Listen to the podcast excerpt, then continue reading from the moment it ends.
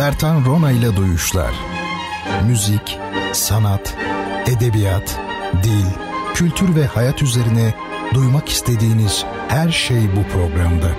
Bertan Rona ile Duyuşlar her cuma 22'de Samsun'un Gerçek Radyosu'nda. Bertan Rona ile Duyuşlar başlıyor.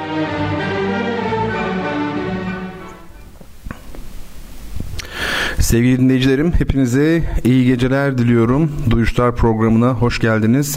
Safalar getirdiniz efendim. Bertan Rona'yı dinlemektesiniz. Bu programı her hafta sizler için hazırlıyor ve cuma geceleri saat 10'da e, sunmaya çalışıyorum. Tabi bu cümle kısmen yalan oldu çünkü e, her hafta sizler için hazırlıyor falan deyince sanki böyle hafta içerisinde çok ciddi bir çalışma yapıyormuş gibi. Yani utanç verici bir durum ama maalesef böyle değil. Öyle olsa zaten gecikmezdim 10 dakika.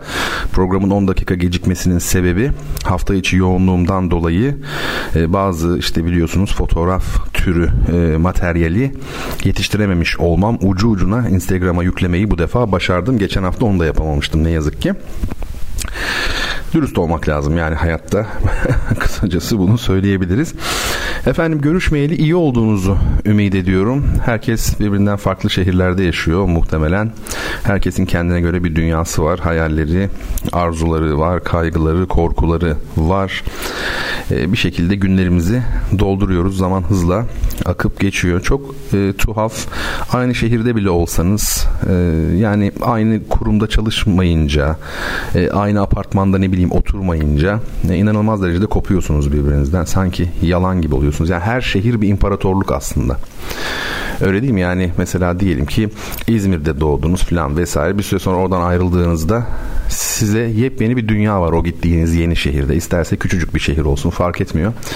Herkes kendi kavşağını yaratmış oluyor ölmek ve sevmek için. Şairin dediği gibi. Şimdi efendim bu gecede her zaman olduğu gibi e, yine edebiyatla müzikle, resimle e, iç içe bir program olacak duyuşlar. E, öncelikle bir Twitter hesabımı söyleyeyim. Twitter e, hesabım Bertan Rona şeklinde. Instagram hesabım da Bertan Rona. Her zaman olduğu gibi bu gece de yine Instagram'a bazı fotoğraflar yükledim sizler için.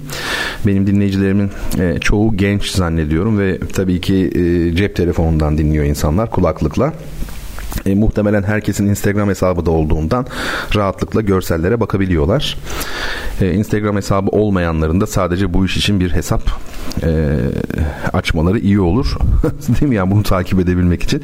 E, Twitter'dan da beni takip edin ki e, birazdan sizlere soracağım kitap hediyeli soruların cevaplarını bana yazabilir yazabilirsiniz. E, şimdi soracağım soruları e, Twitter'dan doğrudan etiketleyerek yani mention şeklinde cevaplıyorsunuz. Dört ayrı soru, dört ayrı kitap. Bunlardan herhangi birini ya da hepsini kim bilir ilk cevaplayan kişi olursanız o zaman kitabı doğrudan adresinize gönderiyoruz. Artık e, ikinci el kitap göndermiyoruz. Tekrar e, temiz kitap gönderiyoruz belli nedenlerden ötürü. E, duyuşlar uzun bir süre tabii ki sıfır kitap gönderdi. Yani kitapçıdan alınan kitap gönderdi dinleyicilerine. Daha sonra biraz ekonomi yapabilmek için e, yani aynı fiyata daha çok kitap alabilmek için sahaflardan kitap temin ettik. E, ama belli nedenlerden ötürü şimdilik tekrar e, temiz kitaba döndük. Sıfır kitaba yani. Ben kendim sıfır kitap almak istemiyorum artık hayatta ama işte yeni kitapları da başka takip edemiyorsunuz. E, zaman ne gösterir bilemeyiz. Bu programla ilgili en çok hoşuma giden şeylerden biri bir insan gibi sürekli değişiyor olması. E, bu harika bir şey. E, inşallah şu yaz gelsin 2-3 hafta sonra yani e, daha yeni farklı bir takım e, uygulamalar olacak duyuşlarda bakalım. Şimdi efendim bu geceki hediye kitaplarımız nelermiş? Onu tanıtalım. Tanıtalım ama öncesinde de elektronik posta adresimizi verelim. duyuşlar@gmail.com. E, buraya yazabilirsiniz. Bayağı bir birikmiş mail var. Ben cevap veremedim. E, geçen gün baktım yine mahcup oldum. E, yani bir ayı iki ayı bulan mailler var. Lütfen kimse yanlış anlamasın. Asla bir saygısızlık, umursamazlık değil. Mutlaka dönerim hepsine ama çok zorlu bir dönem geçirdim hakikaten ben de. Onlara cevap verilecek. E, şimdi hediye kitaplarım bu haftaki hediye kitaplarım Orhan Veli'nin bütün şiirleri. Yapı Kredi yayınlarının baskısı tertemiz gayet güzel. Herkes bilir Orhan Veli'nin tabii kim olduğunu ve Orhan Veli'nin şairliğini. İkinci kitap Karl Marx'ın ve Friedrich Engels'in felsefe metinleri.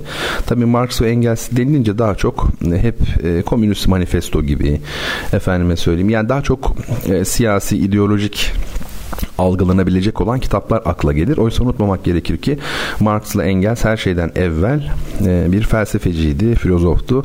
Marx tabi daha çok iktisatçıydı temelde. Engels doğa bilimlerine yakındı ama ikisi de birer düşünce insanı, felsefeci. O bakımdan felsefe metinleri tabii ki e, her şeyin temelinde hayatı önem taşıyor.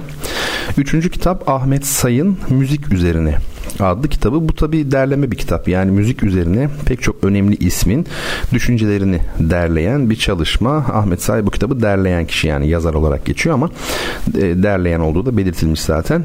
Ahmet Say çok değerli bir müzik yazarımız, müzik tarihçimiz. Onun müzik tarihi kitabı bayağı bir okutulmuştur Türkiye'de konservatuarlarda. Biliyorsunuz oğlu Fazıl Say da çok tanınan önemli bir piyanistimiz hem Türkiye'de hem yurt dışında. Ve son kitabımız Yaşar Çabuklu'nun Toplumsal Performanslar.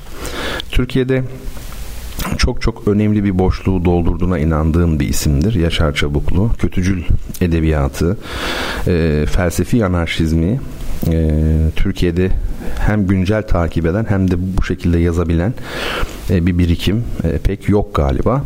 Kimseye haksızlık etmiyorum ama benim bildiğim çok yok. O bakımdan e, Yaşar Çabuklu'nun bu kitabı da e, paha biçilemeyecek değerde aslında. Sevgili dinleyicilerimizden, siz sevgili dinleyicilerimizden birine e, biz bu kitabı hediye etmiş olacağız. Şimdi efendim e, ben 3 Mayıs gecesi, Cuma gecesi bildiğiniz üzere Erzurum'daydım. Ancak Roma'yı tanıtıyordum şehir olarak. Instagram'a fotoğraflarını yüklemiştik Roma'nın.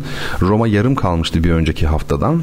E, o bakımdan 3 Mayıs'ta Roma'ya devam ettik. Şehir olarak Roma'yı tanımaya. Kendi çapımızda tabii ki yani.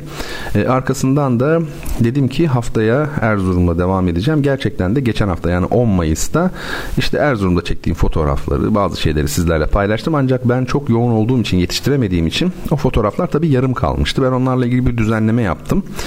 Ve şimdi kaldığımız yerden devam edebiliriz. Kısa sürecek yani bunu hemen başta bir verip geçeceğim. Arkasından bu gece başka ufuklara yelken açacağız. Şimdi Instagram'dan takip edebilirsiniz. E, hediye kitapları tek bir paylaşım olarak gönderdim. Arkasından da böyle bir efendim galeri e, şeklinde bir portal ağzı falan var. Bakın böyle e, bir fotoğraf geliyor. O fotoğraf efendim Çifte Minareli Medrese'nin Erzurum'da Çifte Minareli Medrese'nin içi. Diğer fotoğrafları nerede kaldı? Geçen hafta da kaldı. Geçen hafta onları paylaşmıştım. Bu oranın son fotoğrafıydı aslında Çifte Minareli Medrese'nin ama e, bu haftanın ilk fotoğrafı olmuş oldu. Garip bir yerden bölünmüş tabi. Arkasından da e, ünlü restoranları Emir şey bu köfte yapan bir restoran ee, ve tabii ki Erzurum'da et ve etle ilgili her şey çok lezzetli e, yüksek çok yüksek bir yer olduğu için e, bu fotoğrafı aslında bir başka bakımdan daha önemsiyorum. Sizlerin görmenizi istedim. Yani şeyin e, restoranın reklamını yapmak değil mesele. E, amacım o değil. Bakın arkada bir dağ var. O gördüğünüz dağların yüksekliği 3000 metreye yakın. 3000 civarı. Fakat Erzurum'da bütün dağlar böyle görünüyor. Hafif böyle bombeli bir tepe gibi. Neden öyle görünüyor? Şehir çok yüksek olduğu için öyle görünüyor. Bir sonraki fotoğrafa bakalım. Az önce gördüğünüz restoranın tabi şu an Instagram'ı olmayanlar için bu anlattıklarım pek bir şey ifade etmiyor. Ama onlar da yaşadıklarından ders çıkararak hemen bir Instagram hesabı açıyorlar. Sadece duyuşlar için bile olsa değmez mi yani? Neler için neler yapıyoruz değil mi? E, bunu niye söylüyorum? Şimdi öyle bir fotoğraf geldi ki bakın o restorandaki e, işlemeleri, süslemeleri görüyorsunuz tavandaki. inanılmaz değil mi? Detaylı bir şekilde görünüyor gerçekten. E, bunu görmek için değer bence. Haftaya açıp da veya şimdi hemen arada açıp beni takip alıp bakarsanız hakikaten hak vereceksiniz süslemelerin ne kadar olağanüstü olduğuna. Ve bir sonraki fotoğraf Taşhan. Bakın karşıda yine tepede dağlar var görüyor musunuz? Siz yüksekte olduğunuz için dağların ucu böyle görünüyor yani çok enteresan. Bu Taşhan orada yazdığı gibi işte oltu taşı tesbih e, gümüşçüler çarşısı diyor. Arkasından yine bir fotoğraf o çok şey değil. Ve şimdi Yakutiye Medresesi'nin içine geldik. Bu fotoğrafı neden çektim? Orada sergi yapıldığı için çekmedim. Çok e, böyle sanatsal estetik değeri yüksek eserler değildi aslında. E, tavan için çektim. Bakın tavanın bir kısmı görünüyor. Yani kubbenin başladığı nokta görünüyor. Şimdi bir sonraki fotoğrafa baktığımızda oradaki tam altından çektim bu defa. Ee, süslemeyi, bezemeyi görüyoruz. Yani süslemeci, işlemeci öğeleri görüyoruz e, mimari açıdan. Bu tabi olağanüstü Yakutiye Medresesi eşsiz bir yapı. Arkasından bir kapı görünüyor. Kapıların yüksekliği 1 metre civarı. 1 metre 10 santim belki 20 santim. Yani e, her girişte eğilmek durumunda kalıyorsunuz. Bu mutlaka sembolik anlamı olan bir şey. Bir terbiye, bir edep, haddini bilme değil mi?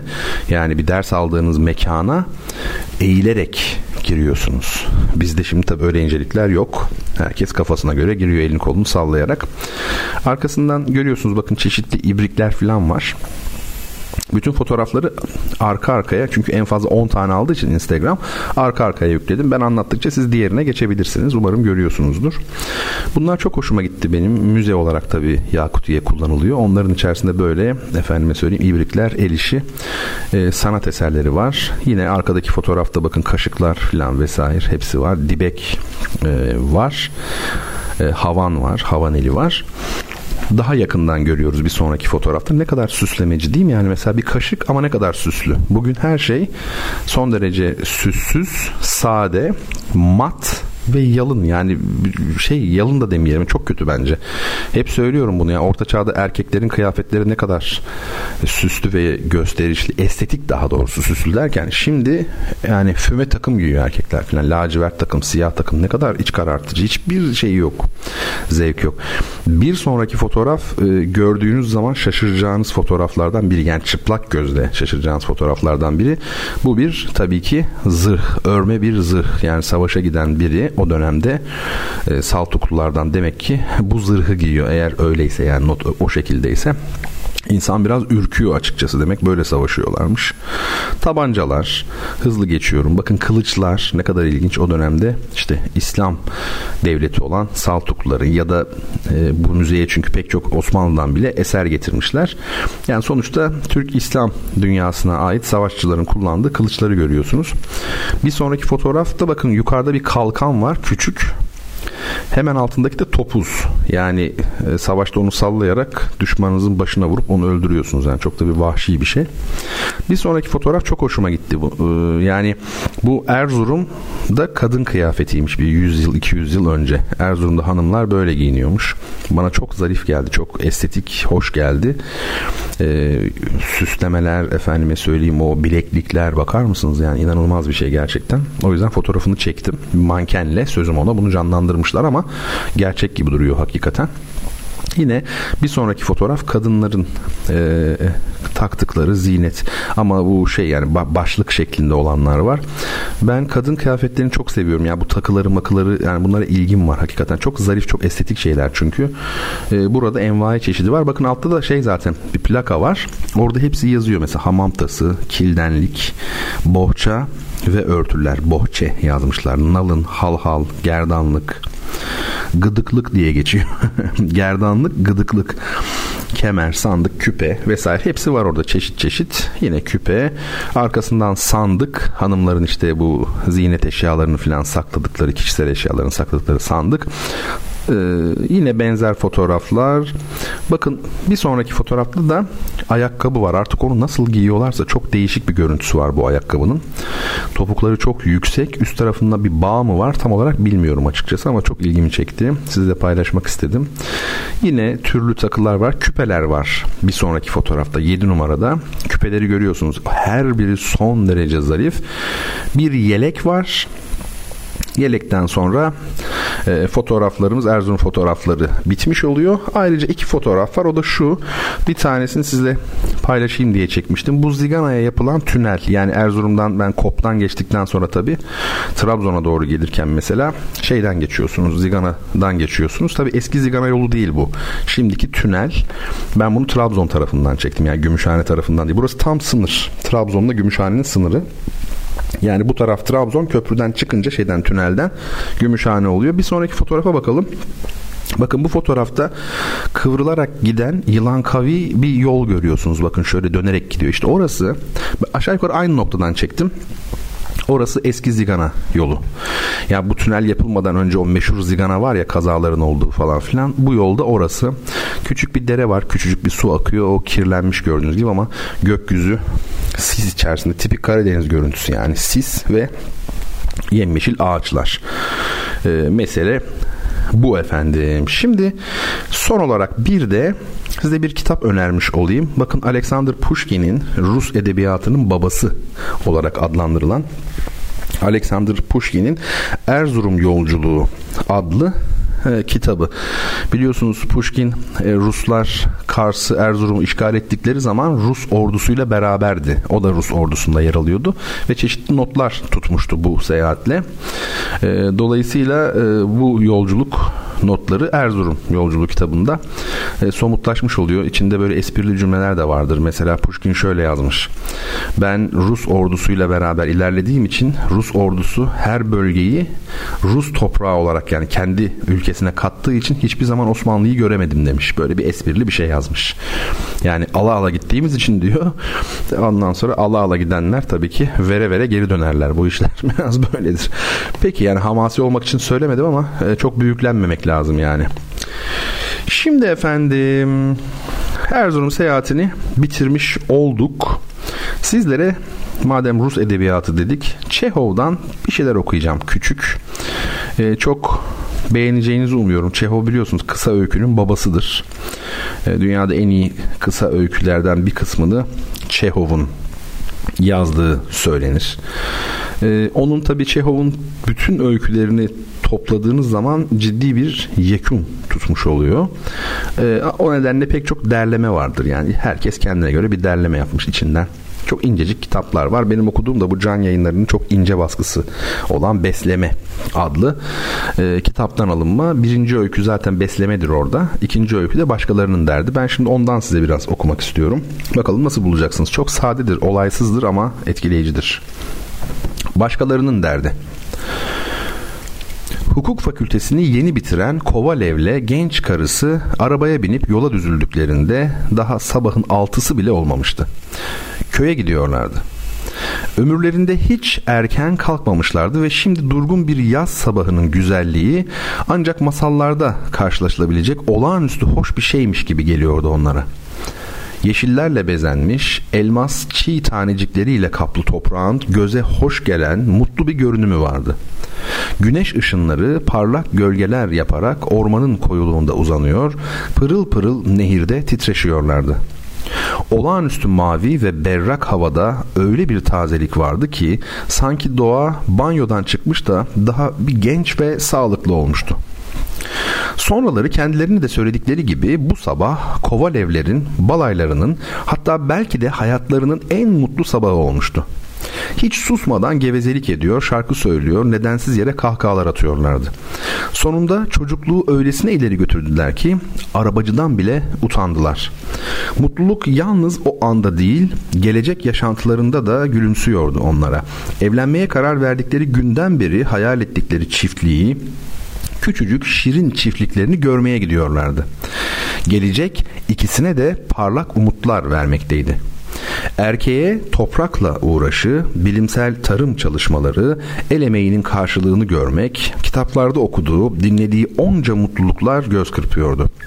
Kadınınsa işin romantik yanı başını döndürüyordu. Yarı karanlık park yollarında kol kola dolaşmalar, oltayla balık avlamalar, hoş kokulu geceler. Gülüp oynarken 18 verst yolun nasıl bittiğini fark etmediler bile. Görmeye geldikleri 7. dereceden Mihailov'un çiftliği derenin dik yamacında genişçe bir kayın ormanının içine gizlenmişti. Koyu yeşilliğin arasından kırmızı bir çatı gözüküyordu. Dere kıyısına bir baştan bir başa fidanlar dikilmişti. Araba geçit yerinden karşı yakaya geçerken Kovalev görünüm fena değil dedi. Ev yamaçta. Yamacın dibinde de dere. Bundan iyisi can sağlığı. Ama Veroçkacığım merdivende iş yok. Kaba duruşuyla bütün görünümü bozuyor. Burayı alırsak ilk işimiz yeni bir demir merdiven yaptırmak olsun. Görünüm Veroçka'nın da hoşuna gitmişti. Kahkaha atarak bütün bedenini şakayla sağa sola oynatarak merdivenden yukarı tırmanmaya başladı. Kocası da peşinden. Soluyarak koruluğa daldılar. Evin yanında karşılarına ilk çıkan iri yarı, uykulu gözlü, yüzlü, saçı başı karma karışık bir köylü oldu. Kapının eşiğinde oturmuş bir çift çocuk çizmesinin çamurlarını temizliyordu. Kovalev, Bay Mihailov evde mi? diye sordu. Koş, çiftliği görmeye geldiğimizi haber ver kendisine. Köylü şaşkın şaşkın gelenlere baktı ve ağır adımlarla yürüdü. Eve gideceğine biraz ötedeki mutfağa girdi. Mutfağın pencerelerinden birbirinden uykulu, şaşkın yüzler uzandı. Alıcılar gelmiş diye bir ses işitildi. Allah'ım sen yardım et bize. Mihailovo'yu satıyorlar. Bak hele ne de genç şeyler bunlar.'' Yapıların arkasında bir köpek havladı. Kedinin kuyruğuna basıldığında çıkardığı sesi andıran bir çığlık işitildi. Avludaki huzursuzluk kısa zamanda iki yanı ağaçlık yollarda sakin sakin dolaşan tavuklara, kazlara, hindilere de geçti. Uşağa benzeyen kısa boylu bir adam mutfaktan çıkıp Kovalevlere bir baktıktan sonra yolda ceketini giymeye çalışarak eve koştu. Kovalevlere pek gülünç gelmişti bu telaş. Gülmemek için güç tutuyorlardı kendilerini. Kovalev karısıyla bakışarak ne tuhaf yüzleri var dedi. Mars'tan gelmişiz gibi bakıyorlar bize. Bir süre sonra evden ufak tefek sakalsız ihtiyar yüzlü saçları karışık bir adam çıktı.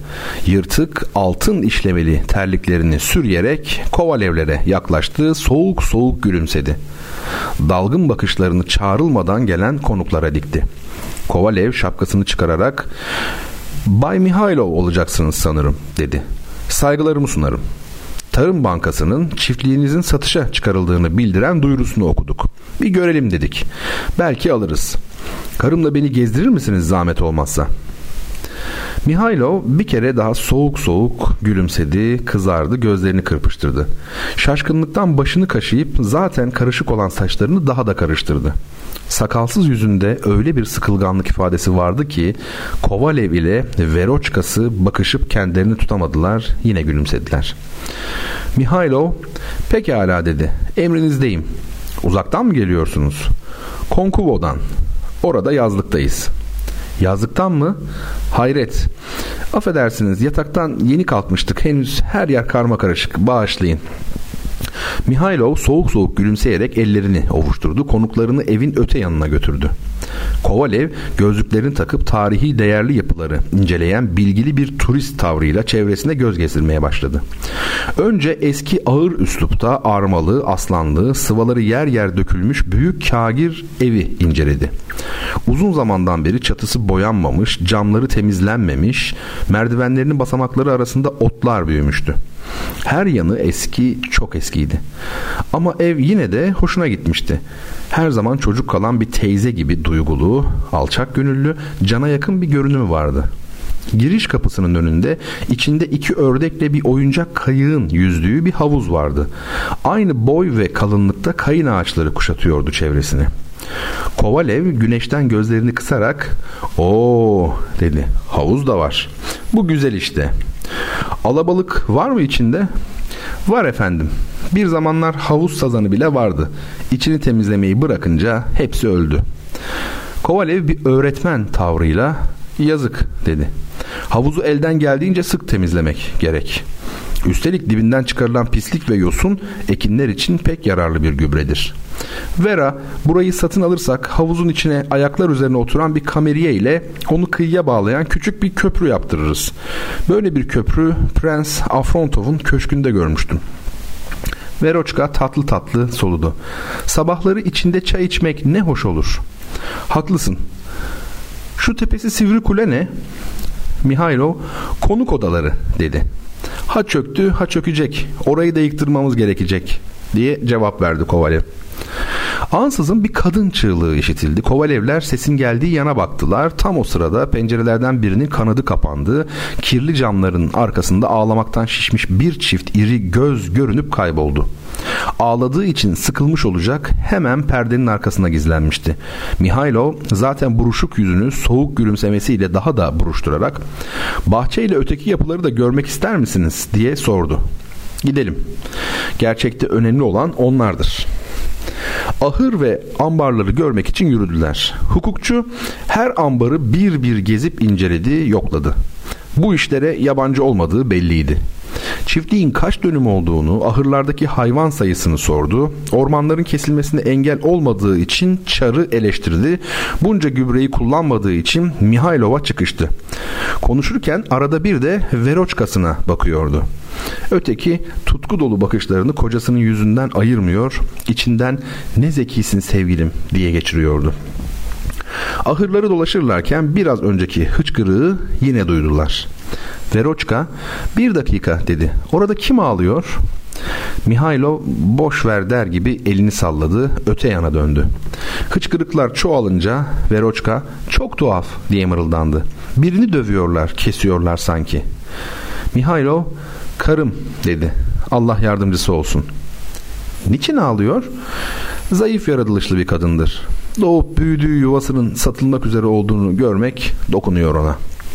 Veroçka, madem istemiyor, niçin satıyorsunuz siz de? Ben satmıyorum ki hanımefendi banka sattırmayın. Niçin engel olmuyorsunuz satmalarına? Niçin engel olmuyorsunuz bankaya? Mihailo şaşkınlıkla Veroçka'nın yüzüne baktı, omuz silkti. Faizleri ödeyemiyoruz dedi. Her yıl 2000 ruble. Nereden bulalım bu parayı? İster istemez susuyoruz. Kadınlar böyle şeylere dayanamıyorlar. Yuvasını, çocuklarını, beni bu durumda görmek üzüyor onu. Hizmetçi takımından da utanıyor ayrıca. Havuzun başında konuşurken şunu yıktırmak, buraya şöyle bir şey yaptırmak gerekecek diyordunuz. Bıçak gibi saplanmıştır yüreğine sözleriniz. Dönüşte evin yanından geçerlerken bayan Kovaleva pencerede saçları dibinden kazınmış bir lise öğrencisiyle iki kız çocuğu gördü. Mihailov'un çocuklarıydı bunlar. Alıcılara bakarak acaba ne düşünüyorlardı? Kafalarından geçenleri Veroçka anlıyordu. Kente gitmek için arabaya bindiklerinde taze sabah da şirin çiftlik hayalleri de tüm çekiciliklerini kaybetmişlerdi. Kocasına dönerek çok acı bir durum dedi. 2000 rubleyi verip onları kurtarsak daha iyi ederdik gibime geliyor. Satılmazdı zavallıların çiftliği, yuvalarından olmazlardı. Kovalev gülümsedi. Ne de akıllısın ya yavrum. Ben de acıyorum ama suç onların. Çiftliklerini ipotek ettirmelerini kim söyledi onlara? Niçin hiç ilgilenmediler topraklarıyla? Acımamalı böylelerine. Bu toprağı kafalarıyla işleselerdi, bilimsel tarım yapsalardı, hayvancılığa şuna buna hakkını verselerdi, pekala yaşayabilirlerdi burada. Allah'ın tembelleri yemiş, içmiş, yatmışlar. Muhakkak sarhoşun, kumarbazın biridir. Suratını görmedim mi herifin? Karısının da giyime, kuşama, süse müse düşkün şıllığın bir olduğuna kalıbımı basarım. Bilirim böylelerini. Nereden bilirmişsin? Bilirim işte. Faizi ödeyemiyormuş beyefendi. 2000 rubleyi böyle bir çiftlikten nasıl çıkaramaz insan be? Bilimsel bir tarımcılık yapsaydı, toprağı gübrelese, hayvancılığa hakkını verseydi. İklim koşullarını, ekonomik durumu iyi hesap etseydi bu parayı bir dönümden bile çıkarması işten değildi. Yol boyunca hep konuştu Kovalev. Karısı dinliyor, her söylediğinin doğru olduğuna bütün kalbiyle inanıyordu. Ama sabahki neşesini bir türlü bulamadı. Mihailov'un soğuk gülümsemesiyle pencerede bir an görünüp kaybolan, ağlamaktan şişmiş bir çift iri göz aklından çıkmıyordu. Birkaç gidip gelmeden sonra kocası onun drahomasıyla yani çeyiziyle, çeyiz parasıyla Mihailova çiftliğini satın alınca üzüntüsü bir kart daha arttı. Mihailov'un ailesiyle birlikte arabaya binip bunca yıl yaşadıkları yuvalarını ağlayarak bırakıp gidişlerini görür gibi oluyordu hep. Hüznü ve insani yanı derinleştikçe gözünde kocası değerini yitiriyordu. Kendine aşırı bir güvenle akla yatkın tarımdan söz ediyor, sürüyle kitap ve dergi getirtiyor, Mihailov'un iş bilmezliğiyle alay ediyordu. Tarımcılık üzerine konuşmaları sonunda düşüncesiz sıkılmak bilmez bir övünme alışkanlığı olup çıktı. Göreceksin diyordu. Mihailov değilim ben. Bu işin nasıl yapılacağını herkese göstereceğim. Göreceksin. Kovalevler Mihailovlardan boşalan çiftliğe geldiklerinde Veroçka'nın gözüne ilk çarpan şunlar oldu.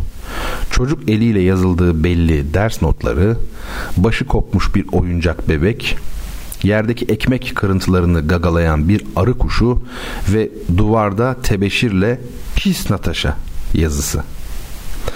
Başkalarının derdini unutabilmek için çok şeyi boyamak, değiştirmek ya da kırmak gerekecekti. Evet uzunmuş bayağı öykü ben bu kadar uzun ümit etmemiştim ama öyle beklemiyordum açıkçası. Ee, ama çok güzel öykü kabul edelim. Yani işte hayatta hani her zaman olaylar yaşanmaz. Bazen olaysızlık vardır. Bazen olgular ön plandadır. Böyle küçük gerçekleri vardır ya hayatın. Yani görünümü küçük kendisi büyük. Eskiden Japon arabaları vardı. Dışı küçük içi büyük diye reklam yaparlardı. Onun gibi başkalarının derdi hemen de unuturuz değil mi? Ne diyor? Bir kat boya atmaya iş biter yani. İşte pis Natasha yazmışlar ya onların derdi acısı. Boyattığınız zaman başkalarının derdini unutmuş oluyorsunuz. İnsanoğlu galiba böyle bir varlık. Şimdi bir müzik dinleyeceğiz. Sorumuzu soracağız tabii kitap hediyeli sorumuzu. Önce bir müzikle ilgili biraz e, bilgi vereyim sizlere. Efendime söyleyeyim. Nedir dinleyeceğimiz müzik? Keith Jarrett Amerikalı caz piyanisti ancak caz müziğini de çok aşmış değişik yani noktalara uzanmış biri.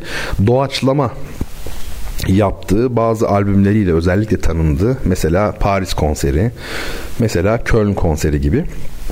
Buralarda e, Keith Jarrett tek parça piyano çaldı. Yani tek parça ne demek?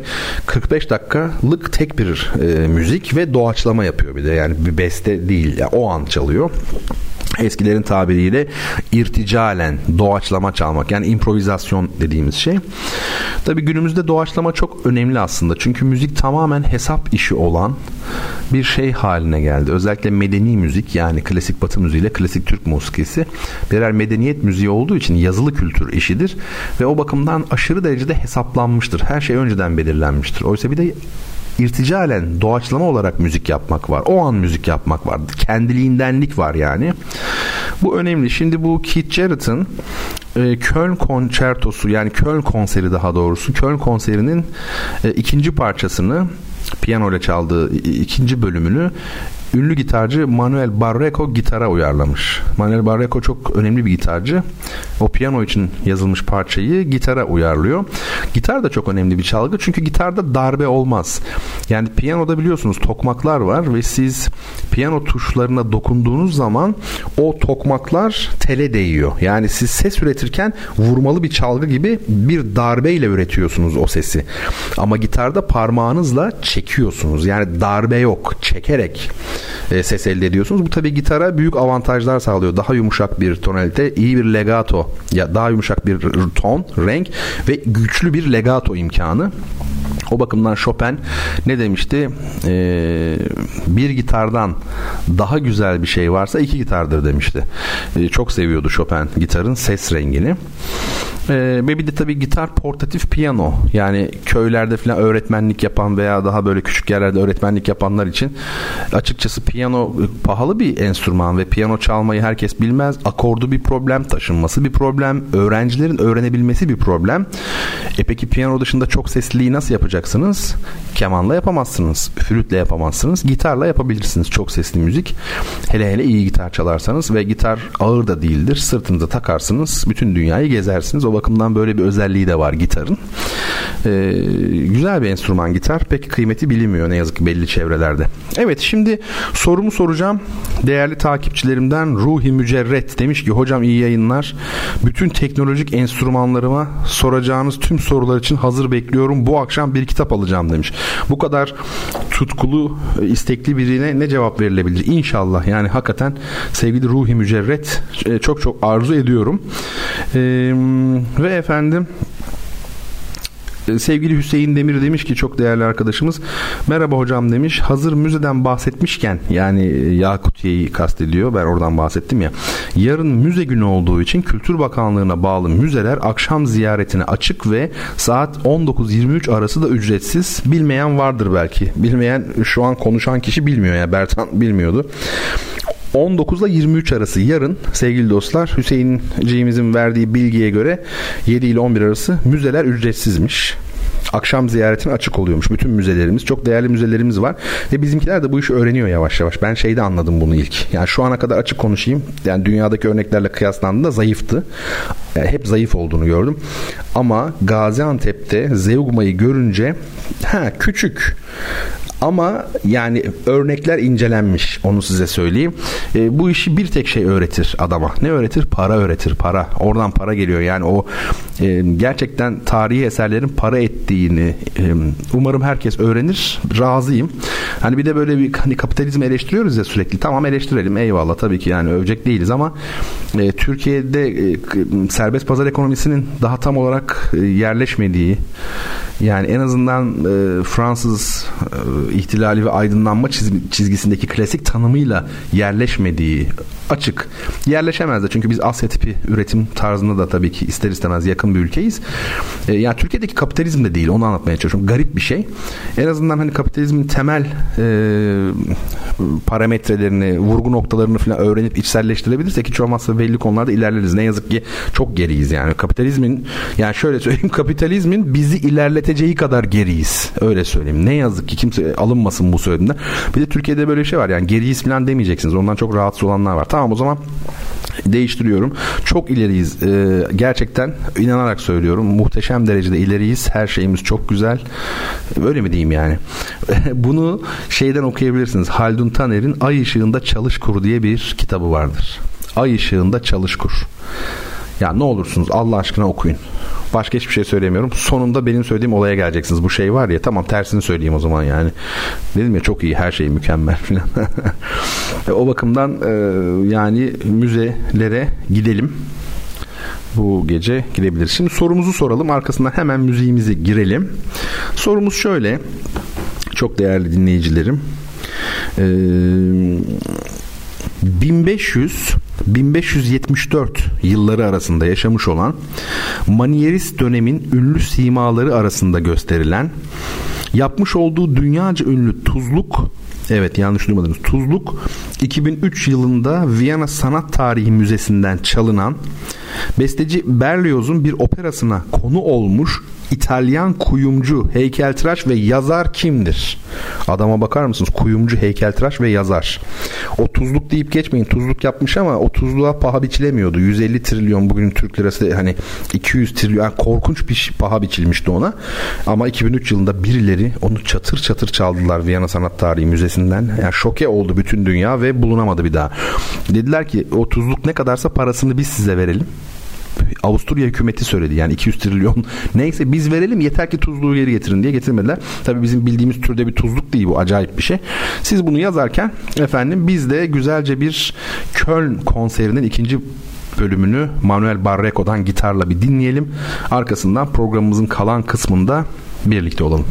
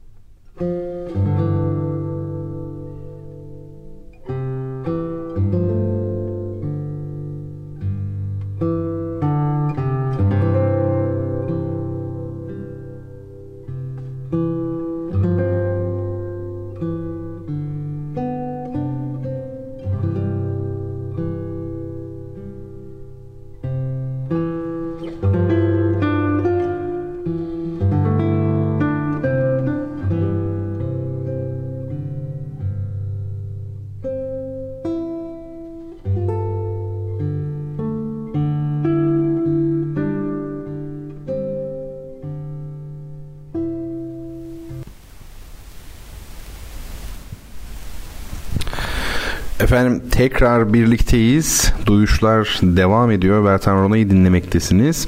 Programımızın ilk bölümünde e, hediye kitaplarımızı tanıttık. Geçen haftadan kalan Erzurum maceramızı fotoğraflarla hitama erdirmeye çalıştık. Pushkin'den bir kitap önerdik. Bayağı şey yapmışız. Çehov'dan bir öykü okuduk.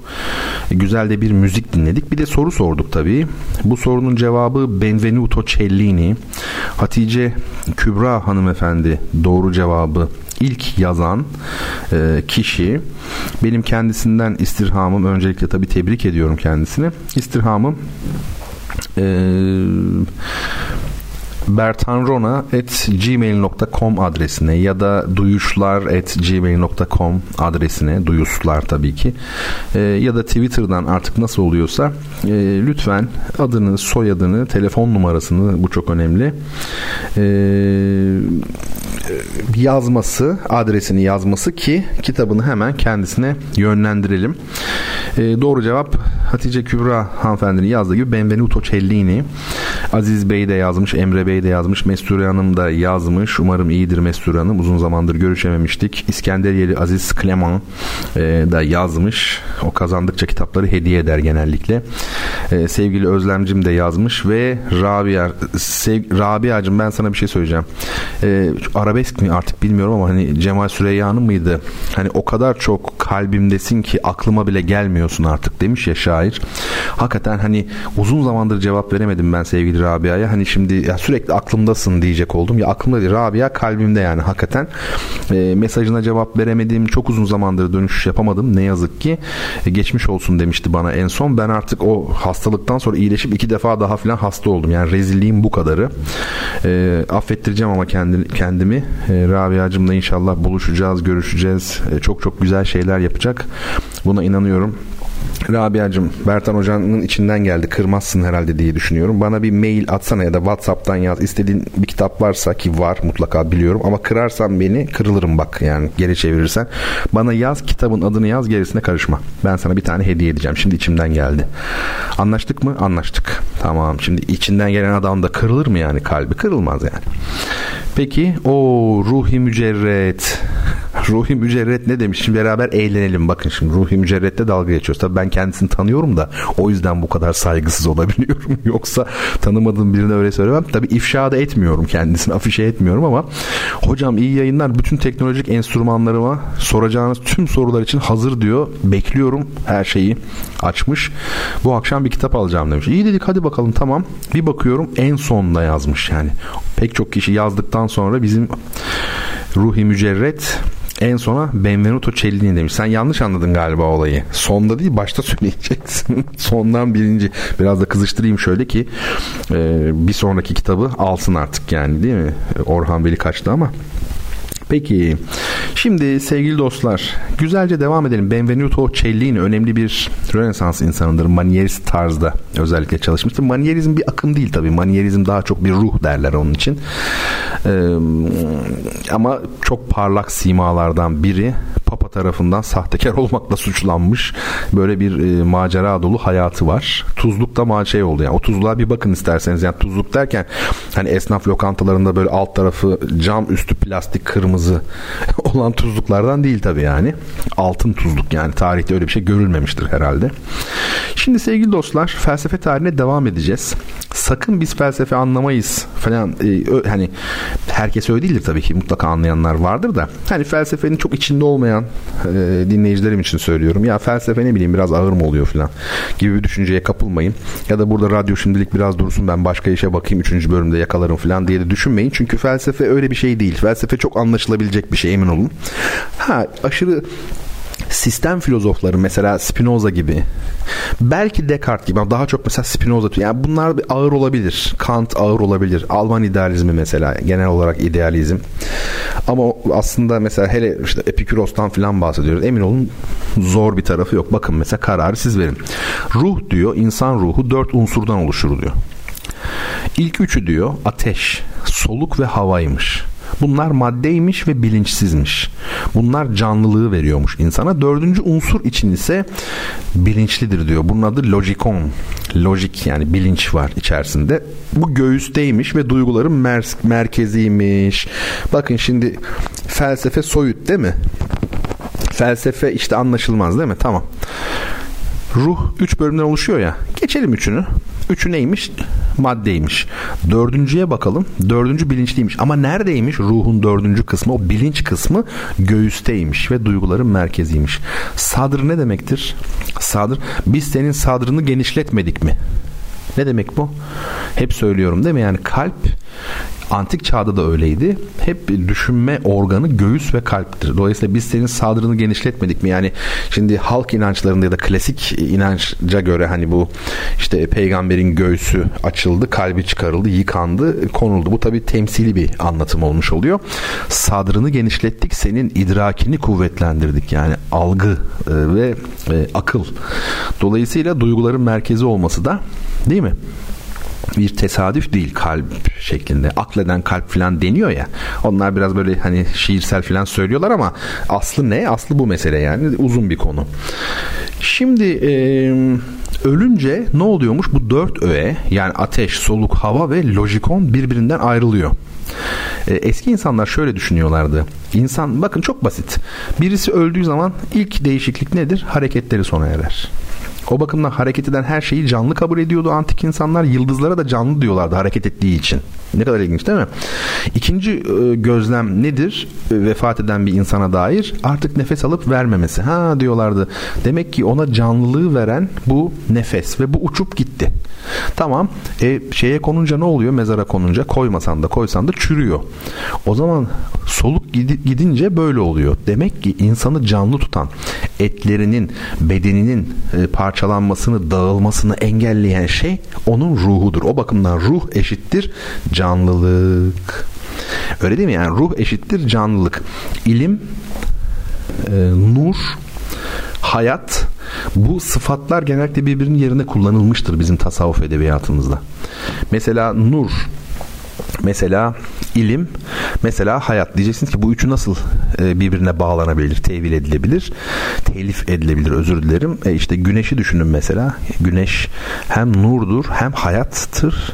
Aynı zamanda aydınlattığı için de aydınlık ve bir ilim kaynağıdır. Bunları düşünün. Şimdi e, meşhur Epiküros'un sözü var. Biz varken ölüm yoktur, ölüm varken biz yokuz. Dolayısıyla ölümle hayatı tamamen birbirinden ayırıyor. Hiç karşılaşmayacağım bir şeyden niye korkayım demişti Epiküros. E, dolayısıyla e, bu tabii ki İslam'daki e, ölüm anlayışına tamamen aykırı. Neden aykırı? Şundan dolayı meşhur ayet ne diyor? Her canlı ölümü tadacaktır. Yani tatma demek ki devam var. Yani aslında İslam'da şöyle söyleyelim. Ölüm olayında, ölüm olayında e, Esma-ül Hüsna'daki bahis ismi geçerlidir. Yani ne kadar enteresan değil mi? Bahis ismi ölüm anında geçerli. Çünkü orada aslında bir doğum gibi yeni bir hayata doğmuş oluyorsun. Yani doğarken çektiğin sıkıntıları çekiyorsun belki de. Bu tabi yani İslam e, ilahiyat açısından konuşacak olursak tabi ben ne yapıyorum? Mukayeseli okumuş oluyorum Epiküros'ta. Böylelikle pek çok kişinin de ilgisini çekmiş oluyor ve anlamış oluyoruz. Daha iyi anlamış oluyoruz. Çünkü bizden bir şeyin e, yani bir şeyi temel alırsanız ancak bir referansınız olacak ki anlayasınız yani. Onu benimse bunu benimse vallahi beni hiç ilgilendirmez ama ben hani e, mukayeseli çalışmaların önemli olduğunu düşünüyorum bu alanda. Şimdi e, istenç özgürlüğü yani irade özgürlüğü bu da çok tartışılmıştır. İnsan ne kadar e, iradeli bir varlıktır? Mürit. Yani ne kadar ister, isteyebilir? Tamamen kaderine mi mahkumdur? Bu biliyorsunuz bütün e, orta çağda skolastikte tartışılmış bir konudur. İşte cüzi irade, külli irade pek çok meseleler var. Sizlerin de duyduğunuz, bildiğiniz. Ancak irade özgürlüğü Yunan felsefesinde ilk defa Epiküros'ta açıklık kazanmış oluyor. O ortaya koymuş oluyor. E, kader düşüncesine bir kontrast var burada ve bireysellik fikrinin ilk nüvesini biz daha doğrusu nüvesini biz Epiküros'ta görmüş oluyoruz. Tabi bütün bunlar bahsettiğim Epiküros'taki bu düşünceler bir hazırlık aslında. Neye hazırlık? Onun felsefesinin asıl karakteri olan pratik felsefeye yani ahlak felsefesine bir hazırlık. Ne demek ahlak felsefesi? Daha doğrusu ahlak felsefesi niye pratik? E çünkü insan hayatıyla ilgili. Ama mesela siz metafizik yapıyorsanız bu teorik bir felsefe olur. E, antik e, Yunan'da ikinci dönem dediğimiz insan felsefesi tamamen pratik felsefe üzerine kurulu. Şimdi uzun uzun devam edeyim mi bilmiyorum ama biraz daha devam edelim şeye e, Epiküros'a. Bence ilgi çekici çok sıkıcı olmadığını düşünüyorum yani. Biraz da zahmet çekin ne yapalım? Değil mi yani? Öyle bedava şey yok şimdi şimdiki jenerasyon tabii gittikçe daha fazla her şey kolay. Mesela bazen kitap adları görüyorum. Eskiden şöyle görüyorduk. 90 dakikada Hegel. Hadi canım falan diyorduk yani yuh falan diyorduk. Şimdi abuk subuk yani gerçekten insanı şoke eden şeyler görüyoruz. Mesela 90 saniyede Kant diyor. Dakikalar saniyeye indi. 90 saniyede İngilizce öğren falan gibi. Ya arkadaşlar yani tamam para kazanmak istiyorsun da hani yazara söylüyorum da bu kadar da olmaz ki arkadaş yani neyin 30 saniyede biz niye öğrenemedik o zaman Hegel'i yani çok komik şok oldum şok oldum olmaz şoke oldum şoke hep söylüyorum değil mi? Monte etmek. Montaj etmek nasıl olmuyorsa monte etmek diyorsak sabotaj etmek olmuyor. Sabote. Sonunda R var Fransızca. Sabote bir fiil. Sabote etmek. Dolayısıyla şoke olmak. Neyse. Şimdi eee Epiküros'a göre insanın amacı nedir? Hayatta yaşama amacı hazdır. Şimdi buna hayır diyenler çok olacaktır. Ve çok ilginçtir. Buna hayır diyenler yani bunu benimsemeyenler Türkiye'de mesela şimdi diyelim ki biz bizeyiz ya. Hani insanın amacı hazdır diyor Epiküros. Sorsanız mesela e, en böyle dindar olan, en böyle mütedeyyin, daha tutucu olan kesim buna karşı çıkar. Buna soğuk bakar değil mi? Ama aslında İslam'da da hayatın amacı hazdır. Neden? E çünkü e, insan neyle aslında emrolunmuştur? Cennete gitmekle. Cennete gitmek bir emirdir. Neden emirdir? E, Muhittin Arabi'nin dediği gibi e, farzlar aslında cennetin farz kılınmasıdır diyor. Sana emretmiş işte bunu yap şunu yap bunu yap. E yaparsan da cennete gideceğine göre. Değil mi? Dolayısıyla insanın amacı hazdır. E cennette haz olduğuna göre temelde haz yeri, lezzet yeri olduğu için İslam'a göre de bu böyledir denilebilir. Kesinlikle denilebilir. Hatta bu çok tartışıldığı için bir zamanlar İmam Gazali dönemlerinde hatta daha da öncesinde e, sadece bu lezzetleri, bu zevkleri e, istediğimiz için ibadet etmemiz acaba hani meşru mudur, uygun mudur, kabul edilebilir mi? Hani sen cennet uğruna ibadet ediyorsan hiç etme. Hani düşüncesi var ya bu düşüncede tabii yine e, külliyen yanlış. Çünkü İslam alimleri tarafından ehli sünnet düşüncenin içerisinde tanımlanmış. Evet sadece cennet arzusuyla bile bunlar yapılsa uygundur. Kabuldür, makbuldür yani. Öyle yani bilmeden de bazı şeyleri eleştirmemek lazım. Onu anlatmak istiyorum biraz da. Efendime söyleyeyim ve ama tabii şey ayrılıyor. İnsanın amacı hazdır. Temelde maddi hazdır diyor. Manevi haz daha sonra gelir diyor Epikuros. Bir de yalnız şunu bilelim şimdi. Haz deyince bakın hayat ne kadar enteresan. İnsanın amacı hazdır deyince hemen böyle diyelim biz karşı çıkıyoruz diyelim ki. Olur ya karşı düşünebiliriz karşıtız. Fakat şunu hiç sormuyoruz insan olarak. Ya iyi de bu adam hazdan ne anlıyor? Onun haz dediği ne acaba? Ne kadar enteresan değil mi? Zannediyoruz ki kavramlara herkes bizim verdiğimiz manayı veriyor. Ya hayır öyle bir şey yok. Bakalım Epikuros hazdan ne anlıyormuş? Söyleyeyim ben size. Hazdan şunu anlıyor. Olumsuz haz. Ne demek olumsuz haz? Acılardan kurtulmak mesela. İşte bu hazdır ona göre. Yani zevkin içine dalmak değil, acılardan kurtulmak esas hazdır. Yani itidali ve ortada olmayı tavsiye ediyor. Çünkü başka türlü acılardan kurtulamazsın. Ve Epikuros'a göre bakın ne kadar şimdi zekice üç çeşit ihtiyaç vardır. Bir, doğal ve zorunlu ihtiyaçlar. Mesela beslenme. Doğaldır ve zorunludur. Öyle değil mi yani beslenme doğaldır ve zorunludur. Ölürüz yoksa yemezsek, içmezsek. İkinci tür ihtiyaç doğal ama zorunlu olmayan ihtiyaç. Doğal ama mecbur olmayacaksın. Ne bu? Bol bol beslenme yani aşırı yemek. Yemek doğal ama aşırı da yemek kardeşim yani. Üçüncüsü ne doğal ne de zorunlu. Ne bu? Mevki hırsı. Yani bu bir ihtiyaç mesela diyelim ama doğal da değil, zorunlu da değil. Yani böyle makam, mevki sevdası. Burada tabii şu konu üzerinde durmak lazım. Bizde de çok karıştırılmıştır. Nasıl ruhla efendime söyleyeyim nefs birbirine karıştırılıyorsa sıklıkla ne yazık ki çok alakasız şeyler olduğu halde nefsle tabiat da birbirine karıştırılmıştır. Nefs ve tabiat. Örneğin yemek yeme tabiatla ilgili, insanın tabiatındadır. Yani insanın bedensel kayıtlarıyla ilgili her şey onun tabiatıdır aslında. Cinsellik, yemek yeme, içme bunlar tamamen insanın bedensel kayıtlarıyla ilgilidir ve insanın tabiatının istediği şeylerdir. Nefse gelince nefs ben diyorsunuz ya ben dediğinizde aklınıza gelen ne? Benlik duygusu var ya nefs işte o. Mevkii makamı da o ister. Kendini var zanneden de odur ibadetten mesela yerine göre kaçan da odur. Yani o işte nefs dediğiniz şey. Peki niye bunlar birbirine karıştırılmış? Nefs kelimesi zamanla kendi anlamına da gelmiş. Yani self, kendisi var ya kendisi benim nefsim mesela nefsi müdafaa, kendini müdafaa etmek. İzzeti nefs mesela nefs ben yani kendi anlamına da geldiği için kendinin içine de beden de girdiği için zamanla bedene de kaymış. Mesela zannedilmiş ki mesela yemek yemek nefsle ilgili. Hayır. O bedensel bir şey temelde. Tabiat insanın tabiatı yani öyle söyleyelim. Ve Epikuros'a göre bitirelim artık burayı toparlayalım. Radyo programında olduğumuzu unutmamalıyız. Kendime söylüyorum. Ee, birinci tür ihtiyacı karşılamak yeter. Yani doğal ve zorunluyu karşıla diyor. Yani karnını doyuracak kadar ye. Abartmanın anlamı yok. Çok yeme. Mevki hırsı falan gibi böyle bunlardan da tamamen vazgeç diyor. Tabiat da zaten diyor böyle ayarlamış diyor. Azıcık yersen en sağlıklı şekilde olursun diyor. Yani bunu e, karşılıyor. Şimdi serçeler mesela İncil'de şöyle bir şey vardır. Bir pasaj. Yani serçelere bakın diyor Hazreti İsa. Onların diyor kilerleri yoktur, ambarları da yoktur. Hiç mal biriktirmezler. Ama diyor Tanrı onları ne yapar? Doyurur. Ne kadar enteresan değil mi? Serçe çok güçsüz bir hayvan insana göre ama hiçbir serçenin açlık kaygısı yoktur. Çıktı mı doğaya güzelce karnını doyurur. İnsan bu kadar güçlü olmakla birlikte açlık e, kaygısı var. Bu çok enteresan onu söyleyelim. Yani Hristiyanlık tabi e, mal mülk biriktirmemeyi hatta mümkünse dilenmeyi çok övdüğü için mümkünse dilenin ebiyonizm denilen bir akım var. Bu ebiyonizm dedikleri dilencilik demek. Hristiyan tarikatı bunlar. Orta çağda bunlar öyle kalabalıklaşmışlar ki bir ara 100 bin kişiyi falan Avrupa genelinde bulmuşlar. Ne yapıyorlar? Mesela Fransa'dan yürümeye başlıyorlar. Dilene dilene gidiyorlar. Yani mal mülk edinmeyecekler ya. Dilenerek gidiyorlar. Ta nereye kadar? Kudüs'e kadar. Düşünebiliyor musunuz? Enteresan işler bunlar yani. Ee, peki e, son bir şey Erdem nedir? Erdem diyor e, Epikuros doğru yaşamak için bir enstrümandır, bir araçtır diyor.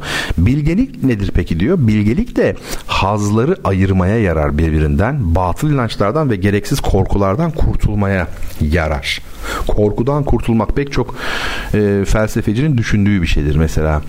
Değil mi mesela peygamberimiz hiç korkmazmış öyle değil mi mesela Hazreti Hamza ne diyor anlatılana göre e, bana Cebrail'i göster diyor. O da diyor ki dayanabilir misin? Dayanırım diyor fakat ayaklarını gördüğü an Hazreti Hamza o kadar kahraman biri bayılıyor. E, onun bayıldığı e, şeyle zatla Cebrail bir zattır tabi onunla peygamber sürekli birlikte. Şimdi mesela Buda, Buda'nın bir özelliği vardır. Buda'nın özellikleri var. Birine korkusuzluk. Velilerin korkmadığı söylenir mesela. Neden? Çünkü mesela hakikat bilgisine sahip olan kişi korkar mı artık? Korkmaz. Bu felsefede de böyledir. Korkusuzluk, kayıtsızlık, stoacı felsefede de vardır ya yani deniz kenarındaki kayalar gibi olun. Hiçbir şey sizi etkilemesin. Hani meşhur filozofun e, aynı zamanda Epiktetos değil mi? Köle e, efendisiyle işte e, kılıç antrenmanı yaparken güreş mi kılıç mı efendisi Epiktetos'un kolunu kırıyor.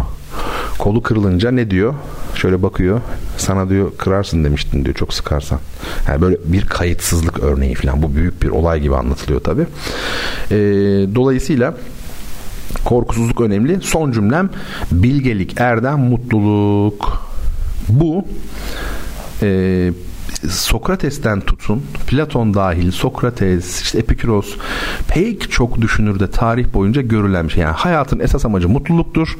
Mutlu olabilmek için erdemli olmak gerekir. Erdemli olmak için de bilgi olmak gerekir. Çünkü bilgi olmadığı zaman nasıl erdemli olacaksın? Yani şeytanın, iblisin daha doğrusu iblis zatın ismi. Şeytan onun bizlerle olan ilişkisinin adı aslında bakarsanız. Haşatan demektir. İbranice düşman demektir. Ee, bilgelik olmadı mı cehalet cehalet bizi neye götürüyor? Kötülüğe götürüyor. Yani bilgelik erdeme götürür. Cehalet kötülüğe. Hep tartışmışlar ya bu kötülüğün sebebi ne? Sonuç cehalet. Peki ben şimdi buraya bir işaret koyacağım. Epikuros'un e, Aristoteles'in bu zoon politikon görüşü var yani politik Zoonu da canlı yani hayvan diye çeviriyorlar. İnsan sosyal bir hayvandır falan. Ya insan hayvandır falan demiyor Aristoteles. Ne diyor? İnsan sosyal bir canlıdır. Hatta varlıktır diyor da neyse o da ayrı bir şey. Bunlara bir e, bakarız. E, haftaya bakarız artık. Şimdi biraz müzikler üzerinde duralım ve hediye e, kitap için yeni sorumuzu soralım. E, müzik Ulvi Cemal Erken'in Türk Beşlerinden, e, Türk Beşleri adıyla anılan topluluktan Ulvi Cemal Erken'in Yaylı Çalgılar Orkestrası, Orkestrası için yazdığı Sinfonietta adlı e, çok değerli, çok güzel gerçekten eserinin son bölümü Allegro. Ulvi Cemal Erkin çok e, zamansız vefat ediyor gerçekten. 1972 yılında 66 yaşında her e, ölüm zamansızdır belki biraz ama hani öyle denir ya. Ama şunu söyleyelim gerçekten kendi besteciliğinde yepyeni bir havaya girdiği, çok orijinal eserler vermeye başladığı bir dönemde hayatını kaybetti. Yine de onun e, yaylı çalgılar, şey, piyanolu triyosu, e, artı piyano konçertosu, keman konçertosu, birinci senfonisi, sinfoniettası, senfonik bölümü bunun gibi çok değerli hakikaten eserleri var. Yeri doldurulamayacak kadar değerli. Ben Ulvi Cemal Erkin'i her zaman bir başka görürüm yani Türk beşleri içerisinde. Genelde müzisyenler de hep öyledir. Ulvi Cemal Erkin'i başka bir yere koyarlar. E, o bakımdan e, şimdi birazdan onun müziğini dinleyeceğimiz için çok mutluyum. Bu aynı zamanda bir şeyi fark ettim. Duyuşlar programı ilk başladığında yani 15 Şubat 2017'de çaldığım ilk müzikmiş. Çok enteresan. Yani o ilk programdaki o yine dört müzik var ya birincisi yani duyuşlarda ilk duyulan müzik buydu. Şimdi tekrar bir dinleyeceğiz final bölümünü ve sorumu sorayım ben. Ruhi Mücerret'e bakalım bu defa sondan mı birinci olacak baştan mı birinci olacak? Efendim soru şöyle. Geliştirdiği avantgard tiyatro kuramıyla tanınan konstruktivist tiyatronun kurucusu kabul edilen ülkesi Sovyetler Birliği'nde çok popüler olmakla birlikte Stalinist terör döneminde ardında hiçbir iz bırakmadan kaybolan yani öldürülen KGB tarafından ben Türkçe'ye çevireyim. Rus tiyatro yönetmeni, oyuncusu ve kuramcısı kimdir? Size ipucu vereyim. Konstruktivist tiyatronun kurucusu. Belki buradan hani Google'a soracaksınız muhtemelen. Belki buradan yürüyebilirsiniz. Efendim Ulvi Cemal Erkin Sinfonietta'nın final bölümü Allegro Northern Sinfonia Orkestrası çalıyor. Orkestra şefi Howard Griffiths. Sonra kaldığımız yerden devam ederiz.